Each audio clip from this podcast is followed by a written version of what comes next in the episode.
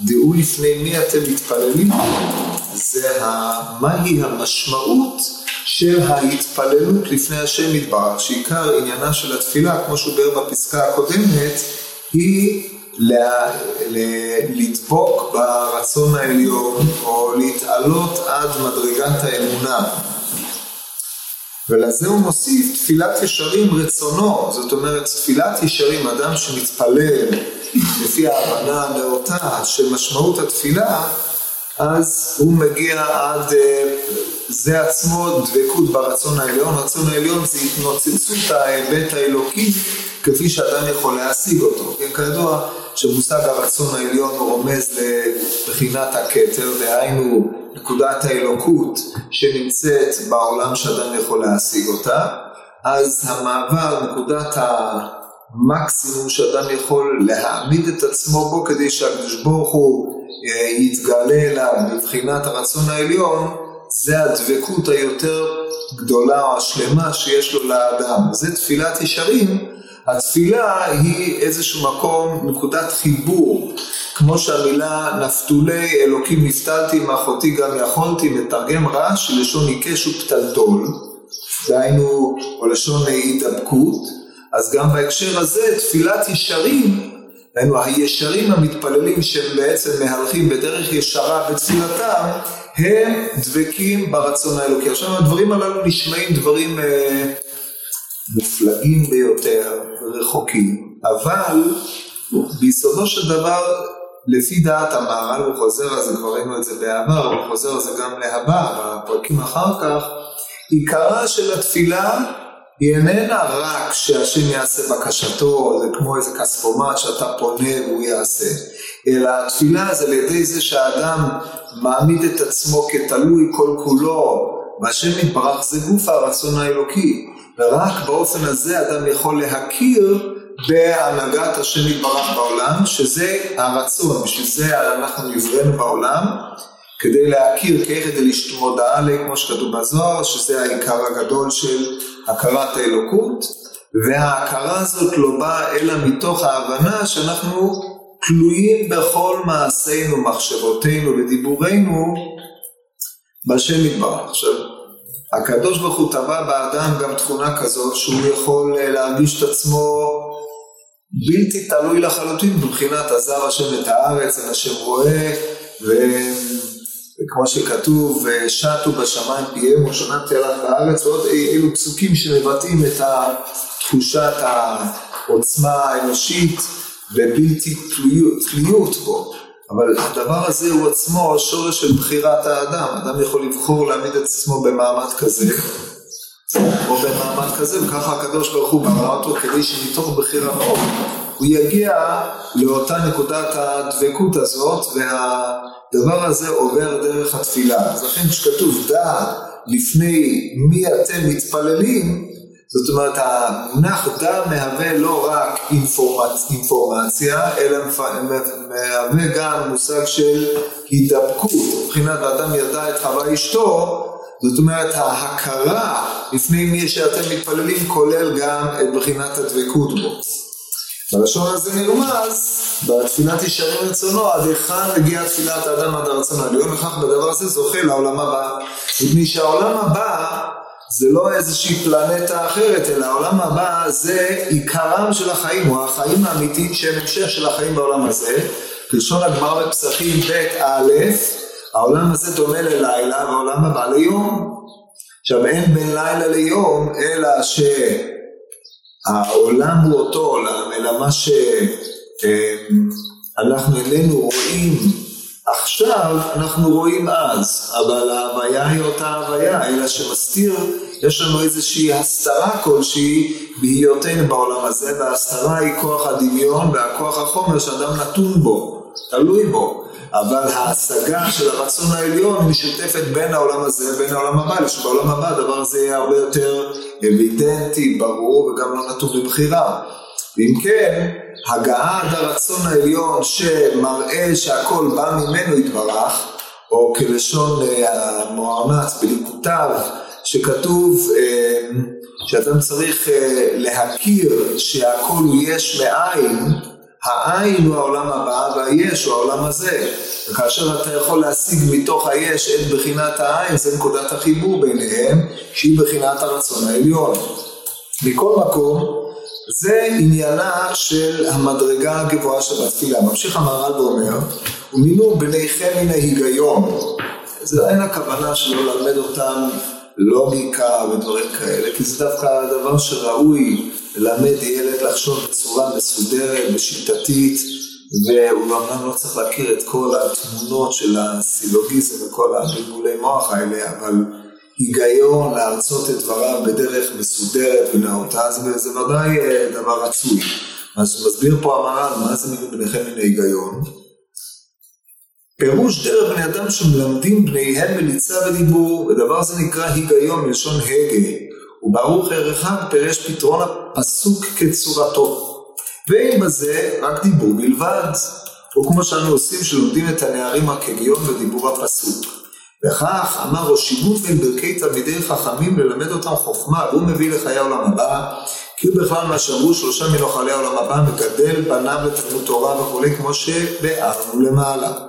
ומפני, זהו. אז אה, מפני, בקצרה, לא, לא, לא ניכנס לזה כי זה לא מעניין הנתיב הזה, אבל אה, הרעיון בקצרה הוא שהיו אה, אנשים שמלמדים את בניהם מליצות ורטוריקה. זה היה דבר די מפותח, כדי שיהיה להם את הכוח הרטורי להתווכח ולהפך טענות מכאן ומכאן כדרך הסופיסטי. זה היה עניין אה, די מפותח. תורת הרטוריקה, כמו שעדותם של אחד מחכמי ימי הביניים, אה, הצטמצמה לצעצועי תמונות של אה, טיעונים כאלה וכאלה, שזה המליצה והדיבור, לדעת לדבר בלשון גבוהה ולא להגיד כלום, שזו אומנות שיש, יש, זה לא דבר פשוט, אבל יש אנשים שמדברים בלשון פשוטה ולא אומרים כלום, זה רוב בני אבל יש אנשים שמסוגלים לדבר בשפה מליצית, בדברים גבוהים, שזה נשמע גבוה, אבל כשאתה פורק לפרוטות מה אמרו, אז לא אמרו כלום. או שום טענה היא לא טענה מוצקת, היא לא טענה חזקה. זה מה שנקרא מליצה ודיבור. אז על זה אומר המהר"ל, זה מה שאמרו חכמים, מנעו בניכם מן ההיגיון, זאת אומרת אם תשקיעו בפיתוח הצד הרטורי שלהם, הרי זה בא על חשבון פיתוח התוכן של דבריהם, ולכן הושיבו בין ברכי תלמידי חכמים כדי שישיגו את החוכמה. ממשיך המהר"ל אומר, מי שאמר שילמד אותם אורחות חיים, כן, כי הרי זה מה שפנו אליו תלמידיו לרבי אליעזר, ואמרו למדים אורחות חיים. הוא הדרך שעולה מלמטה למעלה, שמגיע למעלת עולם הבא, זה נקרא אורחות חיים. וכך זכר אלו שהם אורחות חיים. שימו לב שהחיים, אורחות חיים, המהר"ל מפרש, האורחות המובילות אל החיים.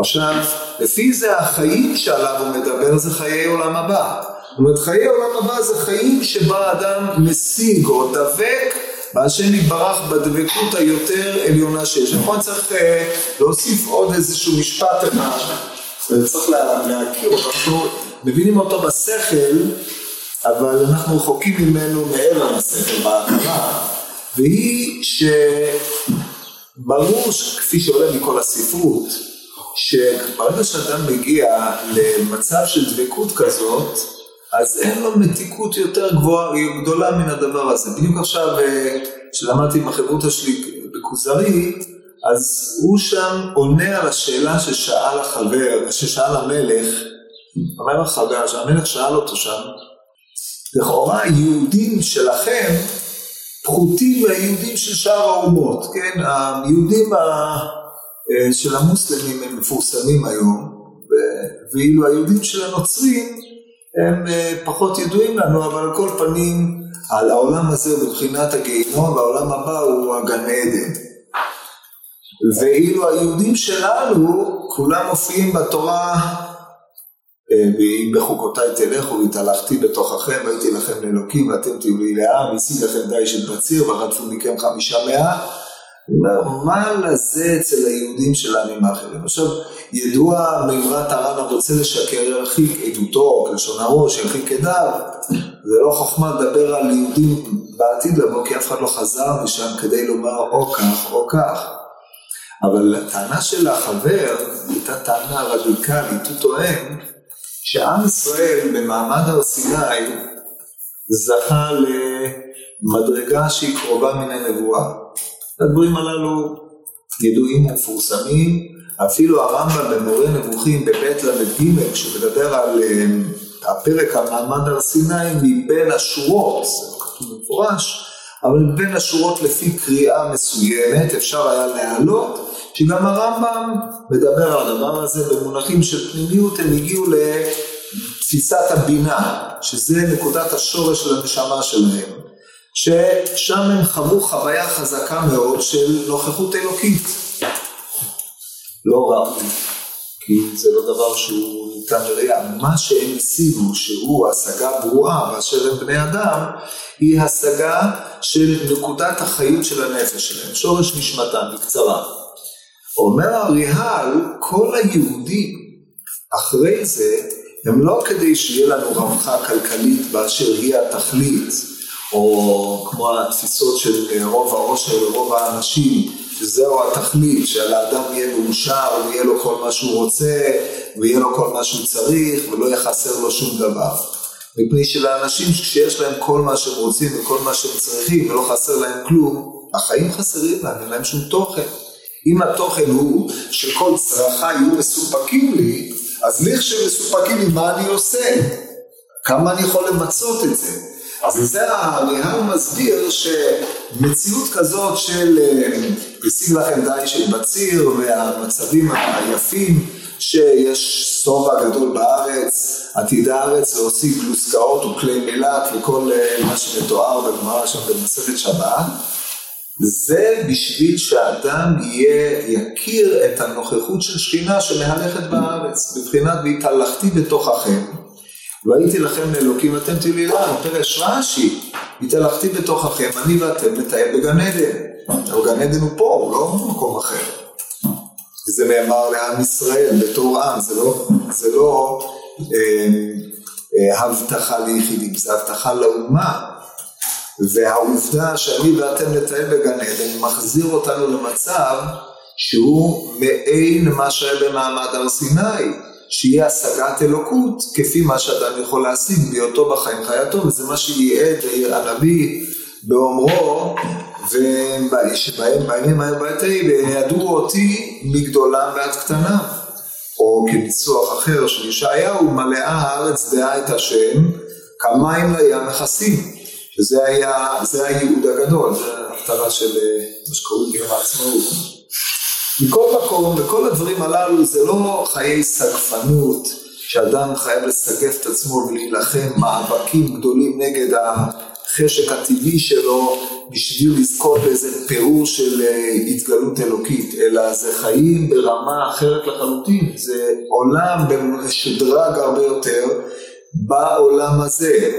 זה החיים. עכשיו, החיים הללו מתעלים והולכים אחרי שאדם נפרד מגופו, שאז המחיצות שהגוף מטיל עליו הן לא קיימות, כמו שהרמב"ם מסביר בפרק שמיני משמונה פרקים, אני מניח שאתם קראתם את הפרק הזה, על קריאת המחיצות, כן? מי שלא, ראוי לו שיקרא. ולכן אורחות חיים זה האורח שאדם שחי בעולם הזה עם צרכיו, עם uh, תאוותיו, עם מבוקשיו, חלומותיו, הזיותיו, איך זה יוביל אותו אל השגת אותה בחינה של חיים, שהיא נקודת הדבקות הזאת ברצון האלוקי או בנוכחות האלוקית. כן, זה כדי שתבינו איך מקרבים את הדברים הללו אל השכל. אז זה מה שאומרת הגמרא, אומר המהר"ל פה, מפני שאמר שילמד אותם אורחות חיים, הוא הדרך שעולה מלמטה למעלה, זאת אומרת יש לזה התקדמות שלב אחר שלב, כשאדם מתחיל בבחינת עין פרא אדם ייוולד, הוא צריך להגיע, לעבור על זה תהליך של חינוך והתקדמות, אז לכן קורא לזה אורחות חיים, עד שמגיע למעלת עולם הבא. וזה נקרא אורחות חיים, דהיינו האורחות המובילות אל החיים, לזה זכר אלו שהם אורחות חיים. ואמר, כי אם רוצים לעלות באורחות חיים, שיתחילו למטה ויעלו למעלה, מנעו בניכם מן ההיגיון. וזהו כמו התחלת האורח, לפי שהוא מדבר מן הקטן שמחנכים אותו בראשון. והיזהרו בכבוד חבריכם, הוא יותר התעמות באורח הזה למעלה, שמדבר בין חברו. ואז השלב היותר עליון הוא דעו לפני מי אתם מתפללים. וזהו, כאן צריך, צריך להיות זהו, לא כמו שכתוב פה, סוף האורח העולה אל השם יתברך והוא עילתו לגמרי. אז דיברנו על מושגי העילה והעלות שמופיעים במהר"ל ועוד נחזור לראות אותם להלן, אבל בסופו של דבר אם אדם מכיר בזה שהקדוש ברוך הוא עילתו, עילתו היא בעצם מהווה את אה, סיבת קיומו בכל המשמעויות, האם סיבה תכליתית, סיבה צורנית, סיבה, סיבה פועלת, חומרית, ארבע הסיבות בקיצור, הסברנו אותם בעבר, יש מישהו שלא שמע מה שאמרתי? רק שניכם לא שמעתי. אני לא שמעתי. מה? אתה גם לא היית, אז תשמע. אבל אה, ביסודו של דבר בקצרה נאמר שהמהר"ל משתמש במונחי עילה עלול כלא אמ, רק תלות או לא רק גורם במובן אה, של הסיבה הגורמת שאנחנו מכירים היום אלא המושג תכלית. הקדוש ברוך הוא עילת האדם באשר הוא האדם תכלית הווייתו היא אל השם יתברך עילה ועלול זה מצב של תלות מוחלטת גם מבחינת היעד שבשבילו אתה חי. אז זה המדרגה הגבוהה ביותר המתבטאת בתפילה. כבר הסברנו בפעם הקודמת, לפי מה שהוא אמר שם, שהתפילה שהיא שיעשה בקשתו, תעשה בקשתו, זה לא אם הוא רוצה שאיזה קבוצה תזכה בליגה, שהוא מתפלל להשם שיעשה בקשתו. הבקשה היותר עליונה של האדם היא בבחינה זו שהוא ידבק בהשם, זה הבקשה האמיתית של האדם באשר הוא אדם. יש בקשה של ראובן באשר חסר לו ממון, אז הוא מבקש על הפרנסה שלו, בקשה של שמעון שאין לו ילדים, אז הוא מבקש על ילדיו, בקשה של זה, בקשה של זה, אבל הבקשה של האדם שבאדם, באשר הוא אדם, זה קרבת השם. כל שאר הבקשות הן בעצם אה, מה שנובלות, כמו שיש נובלת חוכמה, נבואה, נובלת חוכמה זה חלום או משהו כזה, או נובלת נבואה חלום, זה נובלות מן אותה בקשה עליונה. אם אדם אה, צריך בנים, אז מתוך, אה, יש לו חסר, פונה לשם יתברך, מתוך דבקותו בהשם יתברך, החסר הזה מוביל אותו להכיר בהיותו תלוי בהשם יתברך, בין אם תתמלא בקשתו או בין אם לא, העניין העיקרי שלשמו נוסדה התפילה, וזה עניינה ועיקרה, זה היותו דבק ברצון האלוקי. זה הסברנו בפעם הקודמת, בפסקה קצרה ועמוקה של המהר"ל, וכמו שאתם מבינים, אדם לא יכול להגיע לדבר הזה, לעמוד באופן מופשט להגיד, ריבונו של עולם, אני רוצה להידבק בך, בלי שאדם מבין על מה הוא מדבר, אין איזשהו פשר, וההבנה היא לא מפני שהוא קרא בספר, ועכשיו הוא הולך ליישם את זה אחת לאחת, אלא זה צריך לעבור דרך חוויית הרגש של האדם, דרך הצורך, דרך כל שיעור קומתו של האדם שמחולק לשלושה, כמו שדיברנו כמה פעמים, לו שכל, נפש וגוף. וזה ששכלית הוא קלט איזה ניואנס, הוא מחליט לעמוד עם זה לפני השם יתברך, עם הרגש שלו, וחיי הנפש שלו לא מתואמים עם זה, אז זה בעצם מילי בעלמא, זה כמו הרבה אנשים שמדברים ערכים, והפער בין הערכים שעליהם הם, או שאותם הם מדברים לבין דפוסי ההתנהגות שלהם הוא עצום, אלא שיש פה איזשהו משהו שמסתיר כדי שהוא לא יהיה, יחיה בסתירה פנימית, וזה אנשים יודעים לחפות על זה באופן זה או באופן זה, וזה, וזה מצב האנושי העגום, שיש להרבה בני אדם, כמו שאומר בגמור בברכות, שיש מחיצה של ברזל בין ישראל לבין שבשמיים ובין הלב של האדם לבין השכל שלו.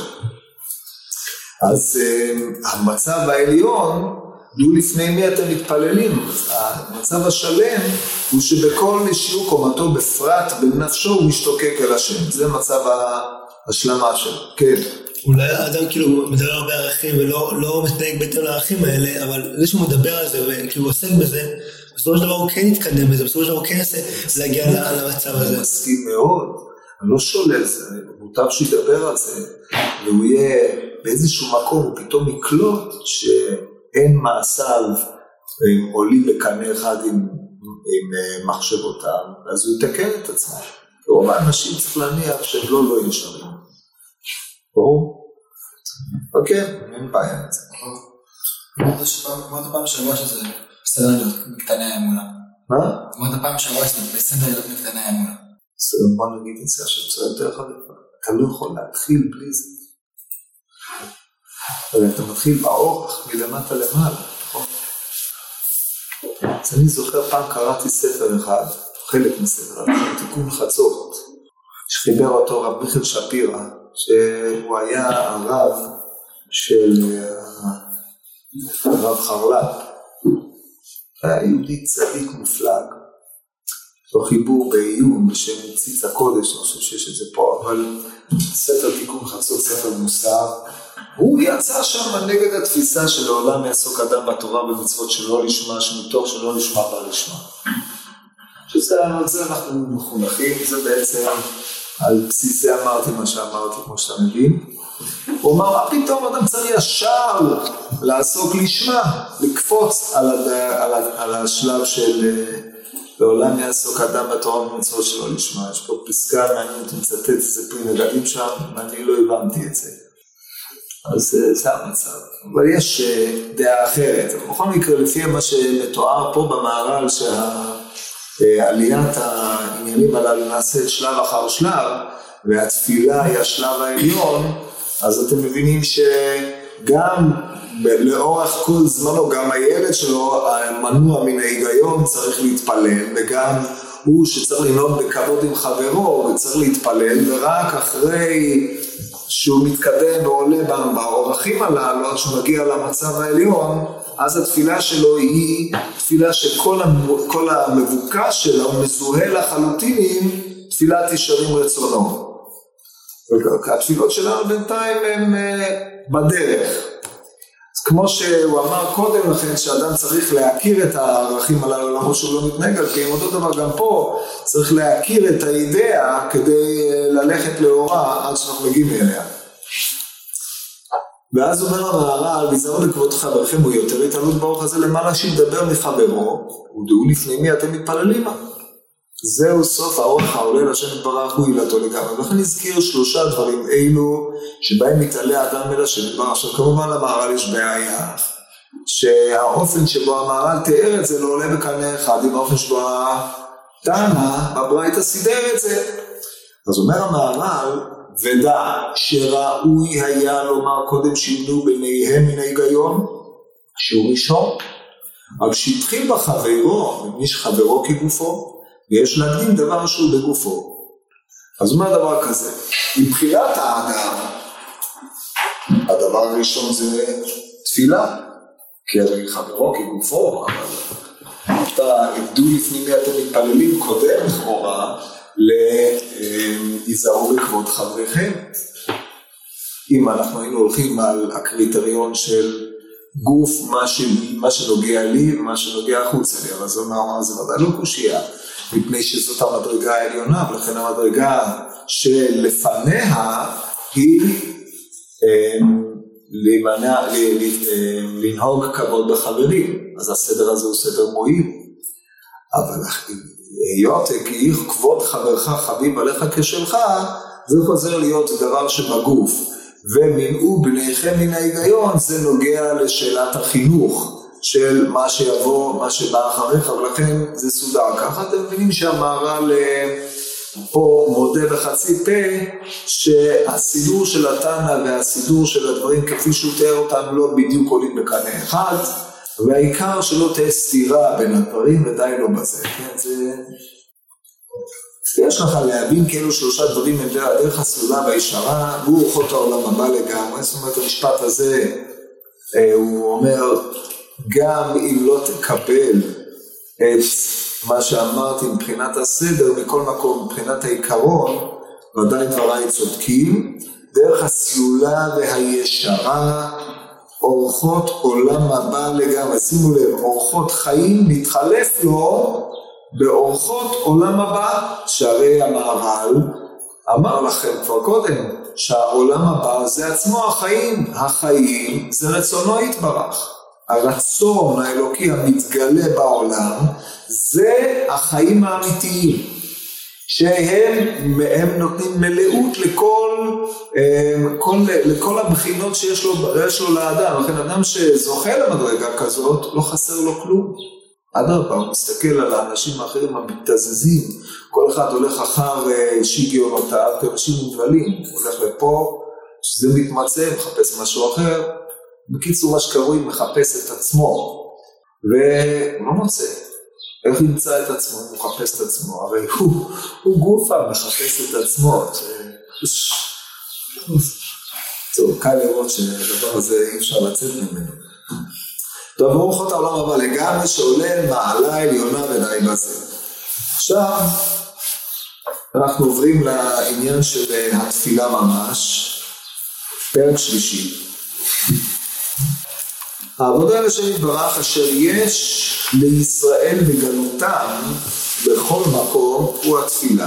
זאת העבודה שנשארה אלינו אחרי חורבן הבית, אנחנו מייחלים ומתפללים שהשם בקרוב יזכה בבניין בית המקדש ויחזרו החיים כסדרם, שהרי אז עיקר עניין עבודת המקדש היא השבת שכינה לירושלים והשבת שכינה לישראל בכלל, זה המבוקש של המקדש, כן, מי שפקפק בזה, פקפוק זה או אחר, אין מה לפקפק. זה עיקר, זה המרכז העצבים של ההנהגה האלוקית שיושבת בתוכנו, ככה שכינה אצלנו עולה ויורדת, אבל כאשר יש לה קבילות, אז המצב שלנו מתעלה עשרת מונים, אנחנו בכלל לא יכולים לשער עד איפה אנחנו יכולים להגיע. אבל במצב הגלות, ואף על פי שאנחנו לא בגלות, אבל אנחנו עדיין עוד לא הגענו לגאולה השלמה, אז בשלב זה אנחנו נאלצים להסתפק בתפילה. ובפרק כמה דתענית, תניא, לאהבה את השם אלוקיכם ולעובדו זו תפילה, או אינו אלא עבודה. תלמוד לומר, זה היה בעבודה זה קורבן, תלמוד לומר, בכל לבבכם, זוהי עבודה שהיא בלב, הווה אומר, זו תפילה. הרי התפילה היא עבודה אל השם יתברך. מה שנקרא התפילה עבודה, כמו שביחד זה למעלה, כי התפילה שמתפלל האדם אל השם יתברך, מורה שהאדם נתלה בו יתברך וצריך אליו ואין לו קיום זולתו. והנה זהו אלוקותו יתברך שכל הנמצאים צריכים אליו ותלויים בו יתברך עד שהכל אל השם יתברך. פה הוא מסכם בקצרה את כל מה שהוא אמר בפרק הראשון. עכשיו תשימו לב איך הוא מסדר את הדברים האלה שלב אחר שלב. נחזור לדייק במשפט היקר הזה. שלב ראשון, האדם נתלה בו יתברך. זאת אומרת אדם הקיום שלו הוא לא קיום עצמי, אלא קיום מותנה, שהוא תלוי בבורא יתברך, הוא מכיר את העובדה שהוא תלוי בו. שלב ב', צריך אליו. זאת אומרת, זה שהקיום שלי תלוי, זה ודאי יכול להיות, כמו שקיום של בעל חיים תלוי באדם בתנאים מסוימים, עם חיית בית, כן? או הקיום של הג'וק תלוי בקפריזה של האדם, אם הוא יוצא לחייב אותו או שהוא ידרוס אותו, כן? זה סוג מסוים של תלות, כן? זה תלות אה, חלשה קצת, אבל על כל פנים יש לך דגים באקווריום, הם תלויים בזה שתאכיל אותם, אם לא תאכיל אותם הם ימותו. האם הם צריכים אותך? מעולם לא אמר דג אני צריך את האדם, אבל יש פה תלות. הצורך זה כבר שלב יותר מתפתח של הכרת האדם. זאת אומרת, אני יודע שאני תלוי, אבל יש דברים שמה אני יכול לעשות, זה תלוי בו לחלוטין, לא יעזור אם אני אומר או לא אומר. כן? זה קיום ומעל. זה בבחינת אה, כדגי הים, כן? ותעש האדם כדגי הים, אומר חבקוק. דגי הים תלויים בבורא, אבל הם לא יודעים שהם תלויים, או על כל פנים לפי ראותו של האדם, כן, לפי פרק שירה הם ודאי יודעים, לפי תלותו של האדם, הראות של האדם, הם לא יודעים, אבל הם תלויים. שלב ב' זה המודעות, הצורך. אני צריך בשביל קיומי את הבורא יתברך. ואז יש לנו כבר דו-שיח. שלב השלישי, אין לו קיום זולתו. מה זה אומר? הרי גם אם אני צריך אותו, אני גם צריך עוד כל מיני דברים. אבל אם האדם מבין שאין שום קיום לאדם זולת השם יתברך, כל שאר הדברים הם לא מהווים מסוקים, זה מבחינת טלטלטוך מנדיבים לבן אדם שנטשו הכל ביטחונו על כל מה שיש לו, בא רק מהשם זה מדרגת ביטחון ואמונה גבוהים ביותר. והנה זהו, עכשיו פה, זה מצידו של האדם, זה העבודה מצידו של האדם, עכשיו פה הצד השני, זה החידוש הגדול של המערל שלנו בפרק ראשון, הנה זה אלוקותו יתברך. זאת אומרת, במה השם יתברך הוא האלוקים. בזה שאין זולאין קיום לבריאה או אין קיום לאדם, בפרט זולתו. שכל הנמצאים צריכים אליו ותלויים בו יתברך עד שהכל אל השם יתברך. זאת אומרת, רק במצב כזה שהתודעה היא תודעה של תלות מוחלטת, בצורך ותלות, אז הקדוש ברוך הוא, הוא אלוקים, הוא המנהיג והשופט. שמנהיג הוא לא מנהיג אם המונהג לא יודע שמנהיגים אותו, אז במה המנהיג מנהיג? זה שנקודת ראות חיצונית זה כמו נוהג עגלה וסוסים, העגלה לא יודעת שמנהיגים אותה. טוב, הלאה. ולפיכך התפילה היא עבודה אל השם יתברך, ולא היראה אל השם יתברך. שאם זה נקרא עבודה, כי זה מורה שאדם נתלה בו יתברך. אבל התפילה מורה שהאדם נתלה בו יתברך, והוא יתברך, הכל ברוך הוא, וברוך שמו על הכל. כל עניין התפילה שהוא מתפלל אל השם יתברך, לפי שהוא צריך אל השם יתברך, נתלה בו יתברך ואין לו קיום בעצמו, כי אם בו יתברך. לכן יתפלל אליו על כל צורכו. כאשר אדם נתלה בו יתברך כאילו הוא נקרב אליו, שכל אשר הוא תולה באחר הוא נקרב ונמסר אליו. לפיכך התפילה היא עבודה גמורה לשם יתברך ודבר צריך להתבהר. זאת אומרת הוא מפתח את זה כך שהצרכים, העובדה שאדם צריך למישהו אחר, הופך איזושהי תלות מודעת בינו לבין האחר. אבל ככל שהצורך שלו יותר גדול אל האחר, התלות שלו באחר מבחינת המודעות שלו הופכת להיות יותר גדולה. אם הצורך הוא טוטאלי, אז התלות היא טוטאלית. זה המצב האידיאלי של התפילה, שהתלות של האדם בהשם יתברך היא תלות טוטאלית, לא מבחינה אובייקטיבית, אלא מבחינת המודעות האנושית. שכל דבר שיש לו בא מן השם יתברך, מודה לו על שעבר, צועק על השעבר, על כל פרט ופרט. אבל לא רק על זה, אלא שכל הצרכים היותר או הפחות, כל אלה הם אינם אלא ביטויים להשתוקקות הפנימית שיש לו לאדם אל השם, או הדבקות שלו בו. עד כדי כך שמגיעים הדברים, שכשהוא מגיע למצב של דבקות, כל מה שהוא עושה, הוא כביכול מבקש מהשם יתברך שיאשרר ויאפשר לו להמשיך את הקשר שלו איתו. זאת זה לא אני כדי לעמוד במקום שלי מבקש ממך, אלא אני כדי להיות דבוק בך, צריך שתיתן לי חיים, חיי עולם הזה, שאני אוכל להמשיך להיות דבוק בך, שזה היפוך ההסתכלות. זה המצב האידיאלי, לפיכך התפילה היא עבודה גמורה, השם ידבר דבר הזה בלבד. מה שאין כן יראה, יראה היא מעמידה את המצב, את העמדה במצב הפוך, כמו שהרמב"ם אומר, שהוא אה, אה, בריאה קטנה, שפלה, אפלה, שעומד לפני תמים דעות, דהיינו הכרת מיעוט ערכו לפני הקדוש ברוך הוא שהוא תמים דעות. עניין התפילה עובד במישור אחר לחלוטין. עניין התפילה כל עצמה פה היא לדבוק בהשם יתברך, לא להעמיד את הפער ואת המרחק העצום שבינו לבין האדם. העירה היא תנאי הכרחי לתפילה, כי רק משם אתה יכול לדבוק, כאשר אתה לא תולה בעצמך שום דבר. אבל היא כשלעצמה איננה תפילה, התפילה עצמה היא המגמה של ההתקרבות אל רצונו. אז זה מכאן ואילך נראה את זה בעזרת השם בפעם הבאה.